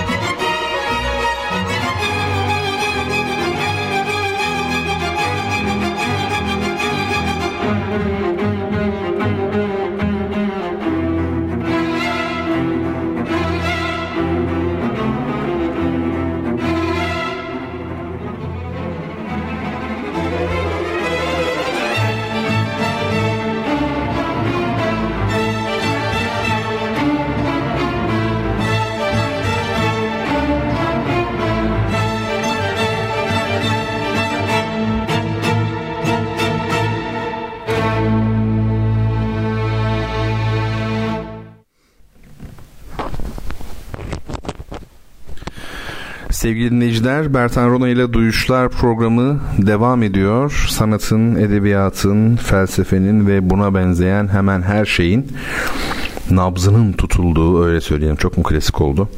Program Bertan Rona ile Duyuşlar. Sizler de zaten ruhsal açıdan çok sağlıklı insanlar değilsiniz bence yani bu saatte beni dinlediğinize göre. Öyle değil mi? Halinizi e, çok parlak görmüyorum. öyle söyleyeyim. Efendime söyleyeyim. E, bu programda dediğim gibi e, felsefe tarihinden bahsediyoruz. Satranç şampiyonlarından bile bahsettik. Senfoni orkestrasındaki çalgılardan söz ettik. Şiir okuyoruz falan filan. Resim analizidir, bir zamanlar sinema filmleri öneriyordum size. Artık inşallah onda tekrar başlayalım. Ee, böyle bir şey. Ben şimdi size ee, şimdi bakalım doğru cevapları yani kim verdi? Vladimir Tatlin değil. Vladimir Tatlin değil. Vsevolod Meyerhold. Valla ruhi, mücer, ruhi mücerret. Ruhi diye yazmış da ruhi mücerret. Fışkırır ruhi mücerret gibi yerden naşım. O zaman yükselerek arşa değer belki başım demiş şair. Evet. Meyerhold. E, doğru cevap. Rabia'cım da yazmış e, Meyerhold diye daha e, sonradan. Evet Meyerhold doğru cevap ve bu defa kim e, kazanan Ruhi Mücerret dediğini yaptı. Beni de mahcup etti. Kitabını da ne yapacak? Alacak. Şimdi öncelikle ilk kitabı Hatice Kübra Hanım kazanmıştı. Onun notunu alayım da ben. Ee, ikinci kitabın da notunu alayım. Gayet güzel. Tamam. Ve şimdi e, oldu. Demek ki üçüncü kitaba doğru gideceğiz. Efendim şimdi Size bir kitap tanıtmak istiyorum. Paylaştım yine şeyden Instagram'dan. Instagram'dan bazen düşünüyorum yani beni takip eden insanlar daha doğrusu benim bu hani paylaşımlarımı gören insanlar ne düşünüyor acaba? Hani sadece çünkü ben Instagram kullanmıyorum normalde. Sadece duyuşlarla ilgili hep aynı şey. Bertan dinleyicileri için falan filan diye böyle garip garip fotoğraflar. İlginç. İnşallah kimseyi rahatsız etmiyoruzdur. Ben bazen rahatsız oluyorum mesela. Ben Twitter'da yazıyorum ama çok az yazıyorum. Yani günde bir tweetine atıyorum bazen. Bazen hiç yazmadığım oluyor filan şu bu. E şimdi mesela bazı insanlar var ya günde bir insan 100 tane 200 tane at, yazabilir mi ya? Hiçbir şeyin yok meşgalen yok yani. Koca koca adamlar bunlar kelli felli böyle hani önemsenen kişiler çok fazla yazanlar var. Bazen de şöyle bir şey oluyor mesela ya biri var ben takip etmiyorum Twitter'da herhalde öyle özellikler var değil mi yani benim takip ettiğim bir takım insanlar onu eğer şey yaparsa beğenirse falan görünüyor. Ya bir de mesela hem sürekli görüyorum aynı kişiyi o kişi de hep aynı konuda tweet atıyor. Bir takıntısı var demek ki yani. Aynı konu artık bıktım. Yani ne yapsam adamı mı engellesem? Durduk yere de engellemek istemiyorum. Bunları bilmek lazım tabii bu işleri biraz bakmak lazım. Herhalde böyle filtreleri falan vardır yani şeyin. Eee yani neyse. Bazen cümlenin sonunu getiremezsiniz. Yani bu böyle çok şey düşündüğünden değil tam tersi yorgun olduğunda ve yaşlanma belirtisidir yani. Hmm, şimdi şöyle yapalım size bir kitap tanıtayım. Instagram'da gördüğünüz kitap. Neymiş bu kitap? İzzet Sarayliç'in İstanbul Günleri adlı kitabı. İzzet Sarayliç boşnak bir şair. Değerli bir şair. Ona boşnakların Orhan Velisi deniyor. Öyle söyleyeyim. Yani Orhan Veli şiirini andıran bir şey var. Tabii biz o dili bilmediğimiz için çeviriden okuyoruz. Ama yine de içerik olarak hakikaten bir Orhan Veli akrabalığını hissetme imkanını buluyoruz. Mesela Şöyle e, kitabın arkasında şöyle yazıyor. Yüksel Pazarkaya'nın küçük bir değerlendirmesi var. Şöyle diyor. İzzet Sarayliç'in şiirinde bir Orhan Veli akrabalığı var. Birdenbire doğaçtan ve kendiliğinden söylenen bir açık duru değişin anıştırdığı akrabalık. Kendi kendini de tiye almaktan çekinmeyen bir ironinin ve sırılsıklam insan olan, sırılsıklam insan seven topluma adanmış bir şiir. Dolayısıyla insanın halleriyle dop dolu olan bir şiir. Bu varlık yayınlarının çıkardığı bir e, kitaptı. Yıllar önce almıştım. O kadar ince bir kitap ki size anlatamam. Yani kaç sayfa bilmiyorum. Belki 40 sayfa bile olabilir. İncecik böyle incecik. Bir de şeyi almıştım. New York'a mezar Adonis'in. Yani bir Adonis bir de Sarayliç aldım. Yabancı şairleri takip etmek lazım. Ne olursa olsun çeviri bile olsa takip etmek gerekiyor. Mesela İzzet Sarayliç'in bir şiiri. Tabi e, çevirmen burada diyor ki yani benim bir iddiam yok diyor. Ben çevirdim ama diyor ben orijinal dilden bile çeviremedim diyor. Ben Almancasından çevirdim diyor. Düşünebiliyor musunuz? Şiir önce Almanca'ya çevrilmiş oradan çeviriyor. çevirmen ama son derece de e, dürüst bir şekilde yani ben iddiam bir sevgi benimki diyor yani bir se- sevgi olarak kabul edin diyor. E, bakın şiirdeki ironiyi tabi dil müsaade etmeyecek büyük oranda ama yine de anlayacağız şiirdeki ironiyi. Şöyle İstanbul günleri İstanbul günlerim üstüne söylenti çeşit çeşit. Biri der orada politik olaylara karışmışım. İkincisine göre bir aşk serüveni geçmiş başımdan. Üçüncü söylenti ise söz eder uyuşturucu işlerinden. İstanbul'a hiç gitmediğim gerçeği üstünde tabii kimsecikler durmaz. evet kim bilir orijinalinde nasıl bir renkle geliyor bu değil mi? Yani İstanbul'a hiç gitmemiş adam yani söylentilere rağmen. E, böyle hani şey naif tarzda ironi dolu gündelik e, dil içeren en azından yani bakış açısı anlamında gündelik dil diyelim içeren çok hoş şiirler İzzet Sarayliç Boşnak bir şair. O Balkanlar çok önemli. Bir de bu galiba ne zaman Haziran'da bir kongre var Prizren'de. Daha geçen öğrencilerimle konuştuk. Gitsek mi gitmesek mi hani diye Prizren'e. E, Prizren'e tabii uçak da vardır İstanbul'dan direkt. Rahat olabilir aslında. E, merak ediyorum. O tarafı görmedim yani Balkanları bilmiyorum. Bir de şeyde çok güzel bir kongre var iki tane.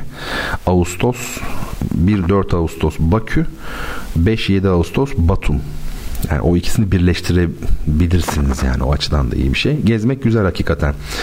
Efendim şimdi şöyle bir e, şey bir sembollerden de biz dem vurmaya başlamıştık. Ben debelendim gerçi yani bunu yapmak için. Hani nasıl işte efendim satranç şampiyonları, enstrümanlar ya da felsefe tarihi böyle gidiyorsak semboller üzerinde de duralım yani. Biz üçgen nedir, ağız nedir mesela, demet nedir, saban yani bu tarih boyunca neyi sembolize etmiştir? Ee, buna bakmak lazım. Şimdi mesela bir sembol geldi aklıma kapı. Kapı tabii çok önemli. Bugün bu Erzurum fotoğraflarını gösterirken Yakutiye Medresesi'nde gördünüz. Boyunuzu eğmeden başınızı eğmeden giremiyorsunuz. Onun sembolik bir anlamı var. Roma'dan bahsederken önceki hafta neyi çekmiştim ben orada fotoğraf olarak? Zafer takı değil mi? Tak kapı gibi ama yani açık havada salt bir kapı var. Çünkü o sembolik anlamı var. Bizde hele bizim medeniyetimizde kapılanmak diye bir şey var. Birine kapılanmak, devlet kapısı. Hatta e-devlet kapısı diye bir şey yapmışlar. Ben kapı çok şaşırmıştım. Kapı deyince e-devlet kapısı falan. Öyle değil mi yani? Bizde tasavvufta vardır kapılanmak falan. O bakımdan bu eşikten odunun eğrisi bile geçemez meselesi. Yani eşik kapı bunlar hep sembolik değeri var. Tabi normalde hani kapı bir yerden bir diğer yere geçmenin sembolü. Yani transandan olma, aşkın olma e, sembolü. Bir bu durumdan başka bir duruma geçmeyi de ifade edebilir. Transveged hali olabilir. Ekstaz hali aydınlıktan karanlığa geçişi ifade edebilir, yaşamdan ölüme geçişi ifade edebilir. Bir de mesela dar kapı diye bir şey var. Duymuşsunuzdur. Tabi bunu hani biz Amerikalı olmadığımız için, Avrupalı olmadığımız için Türk toplumunda bu az bilinir ama hani benim mesela hocam işte Amerikan kültürüyle çok yoğrulmuş bir insandı. Yani kompozisyon bölümünde. O böyle onun örnekleri sanki böyle daha çok bir hani Amerikalı konuşuyor gibi olurdu. Dar kapıdan geçin çocuklar derdi. Dar kapıdan geçin ne demek? İncil'den aslında bir bir şey. E, ayet mi diyelim artık. Efendim ne demek bu? Dar kapı yani güç yolu tercih edin. Siz kolay olana aldanmayın manasında. E, çünkü Luka İncil'inde galiba işte hani dar kapıdan geçmek için kendinizi zorlayın.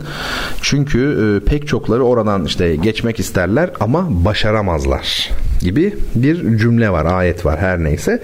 E, hangi bölüm hatırla 13. bölümde bir yer galiba. Dolayısıyla böyle bir sembol var. İşte her şeyden el çekme, zorlu denemeler pahasına işte Tanrı'nın krallığına kabul edilme yani Hristiyanlara göre. Tabi bu e, meşhur e, bir roman var. Andrei Gide'in e, romanı var. Andrei Gide Dar Kapı diye bir romanı var. Orada kullanmış. Andrei Gide ateisti tabi. Bildiğim kadarıyla Andrei Gide şey yapıldı. Aforoz edildi galiba Hristiyan kilisesinden. Papa onu aforoz mu etti? O nasıl bir şey? Ona bir bakın ya bir araştıralım onu. Ama ateist olduğunu biliyorum. Dar Kapı diye bir şey var. Romanı var. E, bu romanda e, kahramanımız bu dar kapıdan geçebilmek için e, dünyevi aşktan feragat ediyor dünyevi aşkı bırakıyor. Ee, çabayla doğaüstü bir acıyla efendime söyleyeyim gö, e, doğa, göklerin hani krallığı var ya bu refahını e, önceden hissedilen kalbe doğan işte tadına karışmak istemiş oluyor.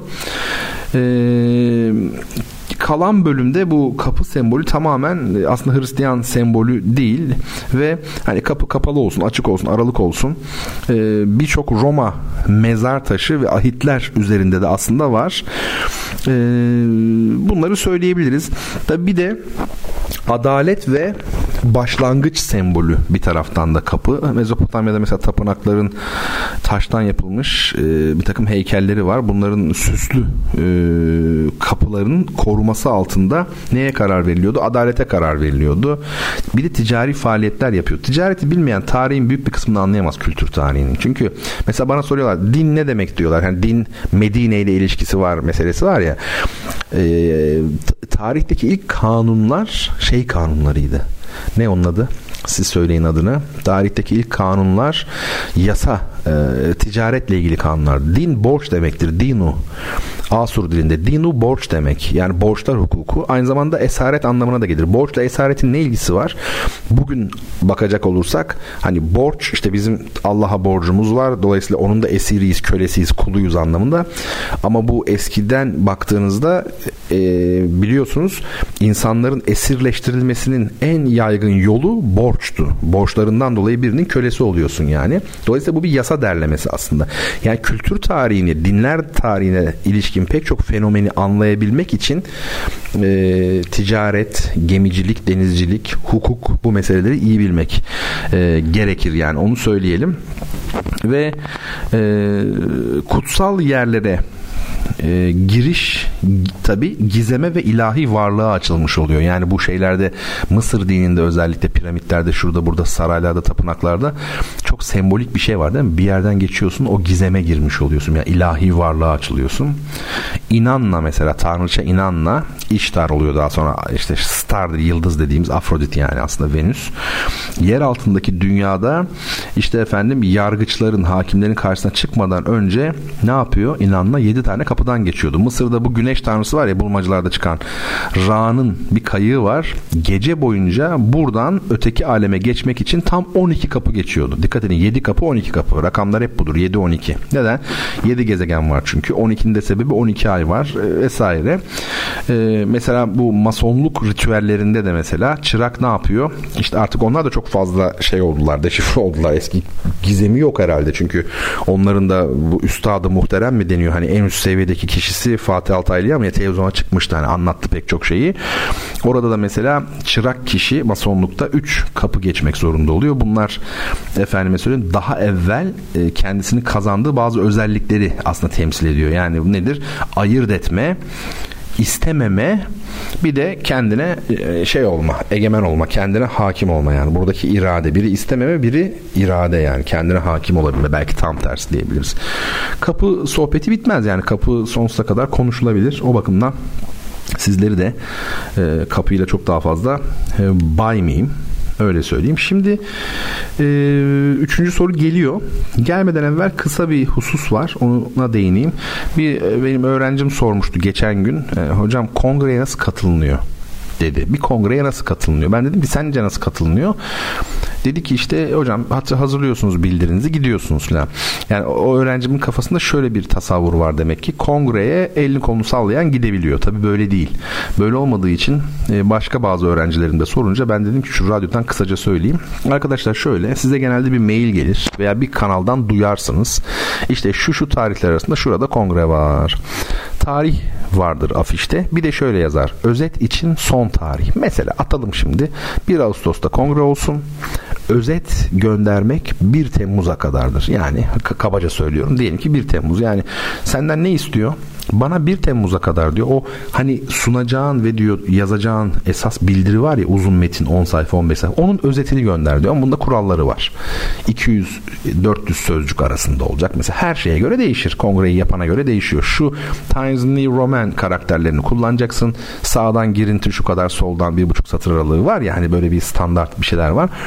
Gönderdin diyelim. O neye giriyor? Bir hakem sürecine giriyor. Hakemler senin adını görüyor mu? Tabii ki görmüyorlar. Kör hakem sistemi. Yani adam değerlendiriyor hakem kadın veya hani bakıyor bu uygundur uygun değildir diye e, hakemden geçmesi lazım. Hakemden geçiyorsa artık sen kongreye kabul edilmiş oluyorsun ancak kongre ücretini yatırman lazım. Katılma hakkı elde edebilmen için. Bu ücret değişir. 300 de olabilir bugünkü parayla söylüyorum. 500 de olabilir. Yurt dışındaki kongrelerde 1000 liraya kadar daha da fazla olabilir. Diyelim ki bu parayı da ödedin. 10 dekontu gönderiyorsun. Artık sana neyi gönderiyorlar? Davet mektubunu gönderiyorlar. Senin elinde ne var? Kongreye davet mektubun var. Ve kongreye ne kadar kaldı? İşte 3-5 gün kaldı.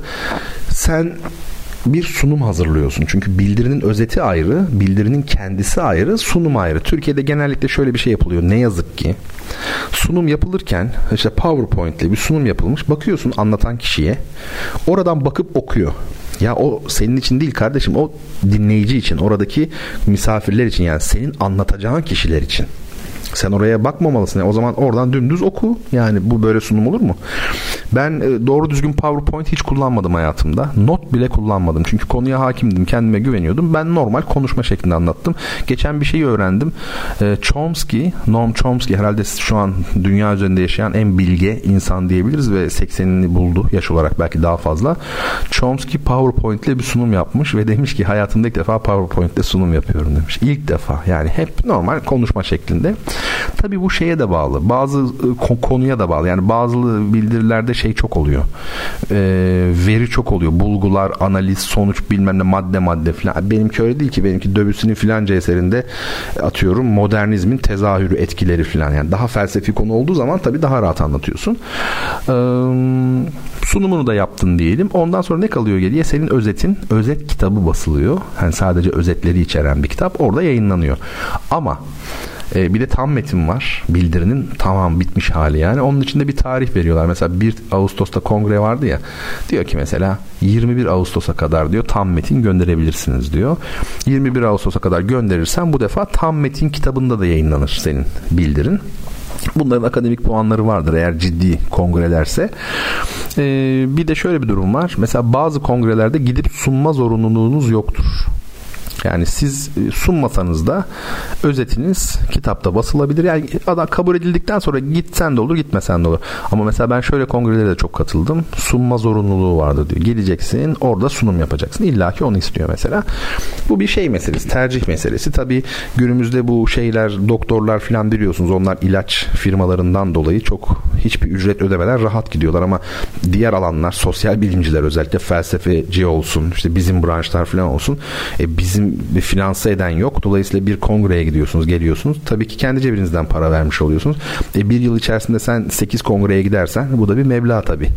E, böyle bir takım başka yan e, sorunları da var vesaire vesaire. Makale tabii çok daha e, hem prestijli hem daha rahat. Ben niye bildiri seviyorum? Makale de çok rahat yazabileceğim halde ki yazıyorum makalede ama yani bildirinin güzelliği şurada. Ben yazılı olan şeyleri çok sevmiyorum. Dünyanın çok aşırı yazılı kültüre kaydığını düşünüyorum. Yani sözlü kültür ve ihtiyacımız var. Yoksa bu şizofreniyi kıramayız yani. Ve tabii ki e, kongreler insanların birbirini tanıdığı daha gerçek, reel şeyler. Öbür türlü yazıyorsun. E, artık biliyorsunuz dergiler de zaten makale yazıyorsunuz ya dergiler de çoğunlukla dijital dijital ortamda 3 ay sonra 6 ay sonra yayınlanmış kendi yazını görüyorsun. Yani bu çok ıı, hani gerçek dışı bir olay aslında sürreal. Öbürü tabii daha e, etkileşimin olduğu daha sıcak. Bir de arabanla git mesela o, görmüş de ol o bölgeleri falan daha e, güzel gibi bir hisse kapılıyorum. Evet şimdi e, dinleyeceğimiz müzik sorudan evvel. Önce bunu söyleyeyim. E, akabinde de hemen Akab. Akab ne demek? Yakob. Yakup var ya Yakup. Hazreti Yakup biliyorsunuz kardeşinin yani ikiz kardeşi var. Doğum esnasında önce kardeşi annesinin karnından çıkıyor. Sonra Yakup topuğundan tutarak çıkıyor ya ona demişler Akab. Yakob yani ardı sıra topuğundan tutarak çıkan diye. Bizde akabin değil akraba olmuş oluyor. Şimdi eee benim hocam rahmetli e, istemeyen hoca istemeyen Taviroğlu mi'den 3 prelüt yazmıştı. Yani mi eksenli ne demek mi eksenli? Mi minör gibi yani. Üçü de aynı tonaliteden mi sesinden.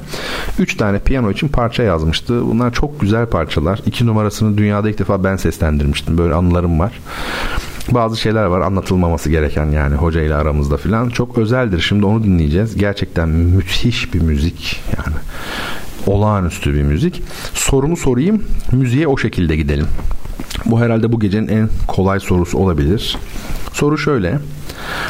Sabahattin Ali'nin, Ali değil Ali, Sabahattin Ali'nin Kuyucaklı Yusuf romanında Selahattin Bey ile Şahende Hanım'ın kızı olan romanın ilerleyen bölümlerinde ise Yusuf ile evlenen kadın karakterin adı nedir? Yusuf'un hanımı oluyormuş programın ilerleyen e, programın diyorum romanın ilerleyen sayfalarında. Selahattin Bey ile Şahende Hanım'ın da kızıymış. Şimdi istemeyen Tabiloğlu'ndan 3 prelüdü, Meyden 3 prelüdü piyanist Yeşim Gökalp'in yorumuyla dinleyelim. Ondan sonra duyuşların son bölümünde inşallah sizlerle birlikte olalım.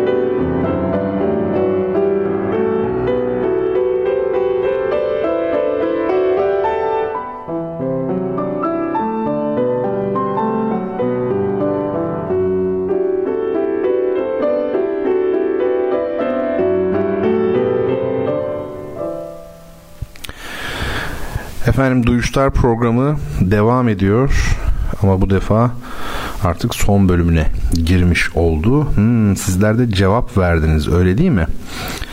Ee, cevaplar geldi arka arkaya.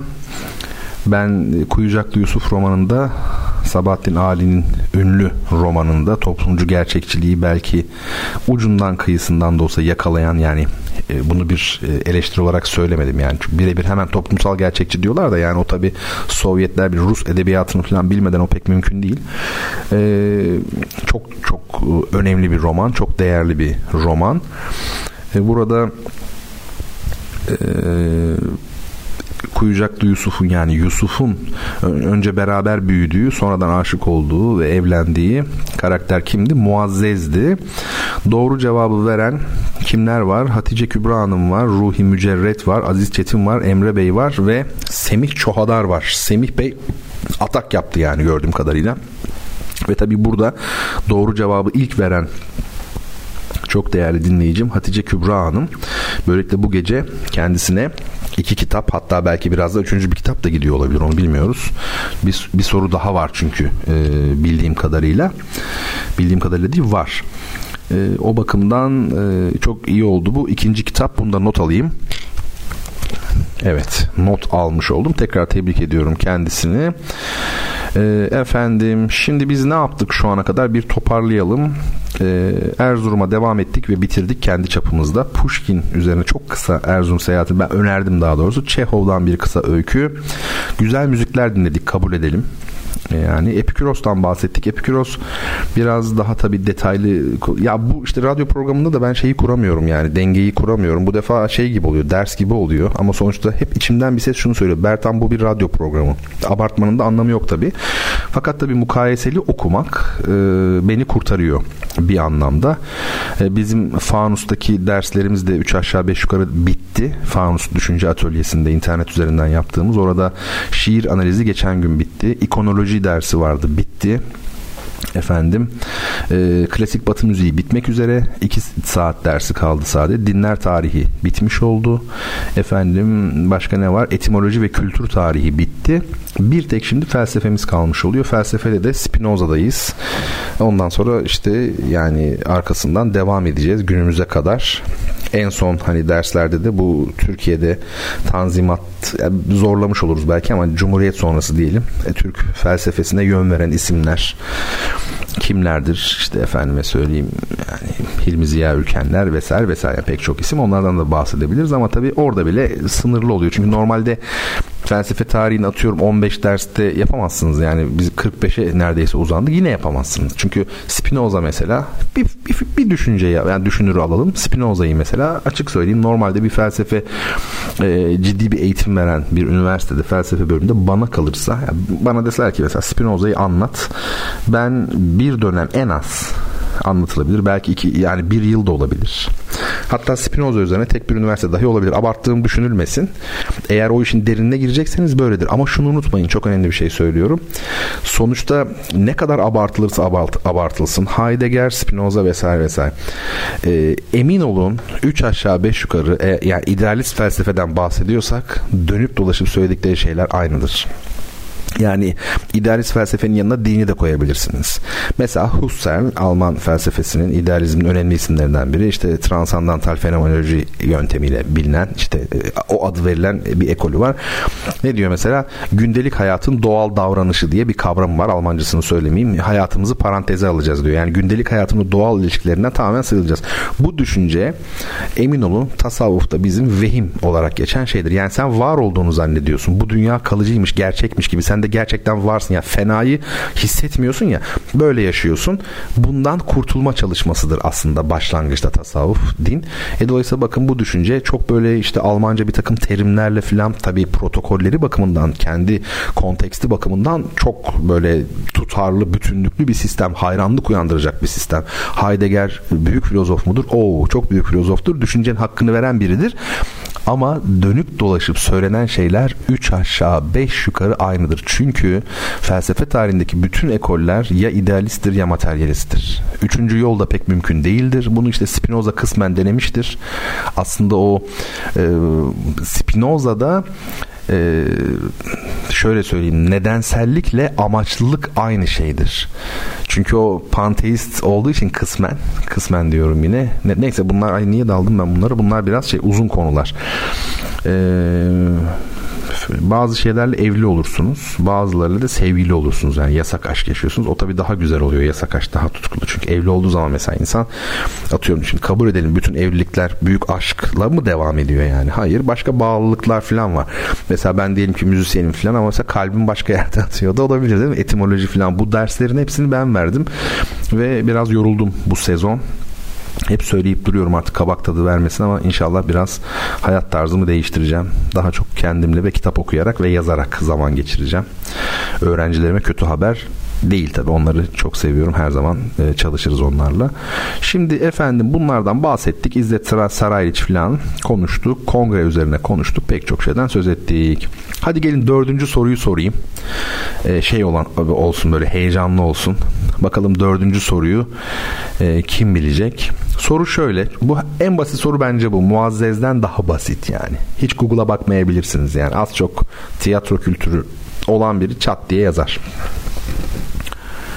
tiyatro binalarında temsil başlamadan önce perde aralarında ve bazen de temsilden sonra nadiren de olsa temsilden sonra dinleyiciler tarafından dinlenmek ve bir şeyler içmek amacıyla kullanılan kısma ne ad verilir? Tiyatroya gittiniz ya da opera tiyatrosuna gittiniz operaya. Efendim orada hani perde arasında gidiyorsunuz ya çayınızı içiyorsunuz falan filan. Ne, neresi orası onu soruyor. Temsil başlamadan evvel de orada tabii herkes toplaşıyor yani. Bazen de temsil bittikten sonra da herkes daha ayrılmadan orada bir şeyler yapılır. Bakalım doğru cevaplar gelecek mi? Geleceğine eminim. Şu an bekliyorum. Böyle bir merakla beklemedeyim. Şimdi önümde Twitter açık tabii ister istemez. Bilgisayarımdan Twitter açık. Bir taraftan bu şey kısmına bakıyorum. Hani çan işareti var ya mention kısmına bakıyorum. Bir taraftan da bu hani ıı, akış kısmına bakıyorum. Zaman akışı var orada insanlar bir şeyler yazmış. Ya bir şey söyleyeyim mi? Öbür tarafta böyle yani çok affedersiniz beni bağışlayın. Leş gibi siyaset böyle ucuz ucuz bir sürü şeyler. Bu tarafa bir bakıyorum sizin yazdıklarınıza Muazzez işte efendime söyleyeyim Meyerholt falan Benvenuto Cellini falan. Biz daha güzeliz bence. Ama tabii siyasetten de kaçılmıyor sonuçta. Çok aşırı idealize etmenin de bir anlamı yok yani. Ben hepsine karşıyım falan filan ama dünyayı da işte siyaset olmadan değiştirme imkanı olmuyor. Evet Ruhi Mücerret ilk cevabı yazdı. Doğru cevabı ilk yazan o oldu. Fuaye doğru cevap. Kendinizi hiç yormayın diye söyledim. Şu an hemen ilk cevap gelmiş oldu. O bakımdan söyledim. Yoksa ben mi yanılıyorum bir bakayım. Aa, bir dakika. Aziz Bey önce yazmış. Özür dilerim, özür dilerim. Ben bir an için yanıldım. Doğru cevabı Aziz Bey vermiş. Nedense öbür tarafta şey olarak göründü. Farklı göründü. Bir bakalım şimdi ortaya çıkar. Ben notumu alayım. Ve şimdi herkesin bu soru bahsini kapatmasını istiyorum. Neden? Size dünyanın en güzel iki şiirini okuyacağım ya. Yani biraz abartarak söyledim tabii ama hani ya çok büyük bir şair gerçekten. Sözün bittiği yerde başlıyor bu şair. Ben bir okuyayım size bakalım kim olduğunu siz tahmin edin. Böyle bir dil olabilir mi? Üstelik bu şiirler onun en anlaşılabilir şiirleri. Normalde dili çok daha kapalıdır. Ee, Türkiye'de belki en kapalı şiir diline sahip şairlerden biridir. Ee, ama yazdıkları şiire de benzemiyor zaten çok enteresan. Fakat bu yazdıkları en çok şiire benzeyen ve anlaması en kolay olanları. Okuyorum aynen şöyle. Ona bir kolye vermiştim. Ona bir kolye vermiştim kendi sözlerinden. Sürekli bir gülümseyişle yüzümdeki görülmemiş bir ustalıkla acıyı ters yüz eden. Elbette bir ustalıktır bizim sevgimiz. Mutlu bir yolcu gibi yol kenarlarındakilere el eden. Bu kentin her yanını unuttuk. Kim bilir nerede bir postacı daha ölürken. Çok güzel değil mi ya? Şiire bakar mısınız? Bir daha okuyalım mı? Ona bir kolye vermiştim kendi sözlerinden. Sürekli bir gülümseyişle yüzümdeki. Görülmemiş bir ustalıkla acıyı ters yüz eden.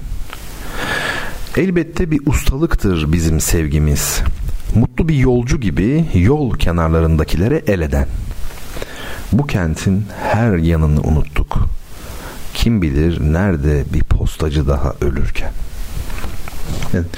Yani kentin her yanını unutmak ve bunun postacının ölümüyle olan ilgisi veya işte o diğer meseleler işte bu tabii çağrışım burada şiirde anlam aramak bülbülü eti için öldürmeye benzer demişti Ahmet Haşim. Aynı onun gibi. Şu şiire ne dersiniz? Bu bence daha da güzel bir şiir. Sevda bir ateş buldu sende. Sevda bir ateş buldu sende. Eğilip öptü seni. Artık kimse denizi bilmiyor. Dirseklerini masaya koyuşundan belli. Gelip geçen bir günü bitirmek istemediğin. Sevda bir umut buldu sende. Ey bir yolcu listesinde bir ölüyü arayan. Artık kimse gözlerini bilmiyor. Şunu imzala. Bir mektup, bir telgraf alındısı değil. Unutulmuş bir sevdadır kapını çalan ve sevimsiz bir terlik gibi duran odan kimse artık bir şey giymek istemiyor. Sonra bir pencereden kendine ay ışığı gibi vuran sen ne sana ne başkasına benziyor. Ve işte bir dip balığı su boşluğunda çırparaktan yüzgeçlerini hiç kimseye uymayan bir mevsim öneriyor. Evet tahminler vardır zaten böyle bir şiir kim yazabilir yani bu kadar özgün değil mi? Ee, hocam programın Twitter hesabında zaten şiirin sahibini söylediniz. Evet Hüseyin'cim yani iyi ki varsın.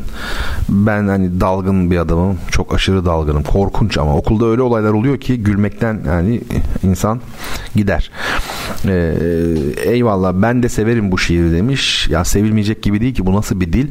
Şöyle söyleyelim yani Edip Cansever'in e, hani e, objektif korelatif denilen işte bir şey var ya düşünce var yani o kapsamda olduğu söylenir ama T.S. Eliot'ın hani fakat e, şeyin bu yani Edip Cansever İngilizce bilmiyordu. Yani objektif korelatifi çok iyi bilebilecek biri değil Edip Cansever. Edip Cansever dil öğrenmeyi çok istedi ama hayatı boyunca bir istek olarak kaldı. Edip Cansever İngilizce bilmiyordu. Dolayısıyla onun şiirinde tutup da zorlayarak yani objektif korelatif var, nesnel bağlılaşık dedikleri. E, bunu diyemeyiz. Edip Cansever'in şiirinde sadece Edip Cansever vardır ve iyi ki de öyledir. Onun dehasını anlatacak bu konuda kelime yok gerçekten. Yani benim en sevdiğim şair belki de diyebilirim.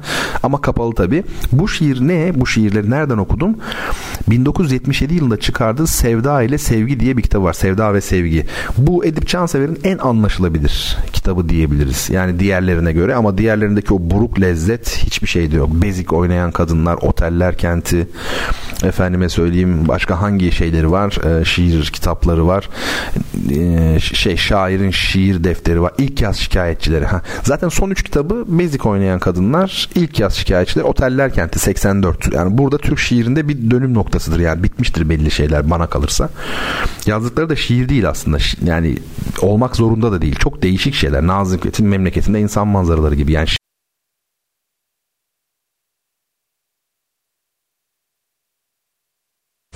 resim paylaştım. E, Seora'nın bir e, Kankan adlı bir çalışması e, yeni izlenimci, neo empresyonist ve pointillizm denilen bu noktacı teknikle yapılmış falan ama açıkçası biraz yoruldum. Haftanın yorgunluğu falan da var. Dolayısıyla gelin biz bunu bu gece yapmayalım, üzerinde konuşmayalım. Haftaya o resmin üzerinde konuşalım. Tabi resimden ziyade onun e, background'unu, hangi toplumsal zemin üzerinde yükseldi, noktacılık nereden geliyor, konteksten kopma ne demektir tarih boyunca. E, tarih boyunca her şey konteksten kopma tarihidir. E, tevhid dediğimiz şey de aslında e, tam tersidir. Yani birliktir, merkeze doğru gitmedir. O bakımdan e, dinlerin tamamında e, kıyamete doğru gittikçe kötüleşen bir dünya tablosu vardır. Yani alt, altın çağ e, vizyonu var ya yani geçmiş çağların daha iyi oldukları düşüncesi. Bunlar hep bununla ilgili. Bakarız bunlara konuşuruz. Şimdi son soruyu da sormuş oldum. Doğru cevabını Aziz Bey verdi. Ben yanlış hatırlamıyorsam. Ruhi Mücerret'in cevabı da geldi ama çok enteresan.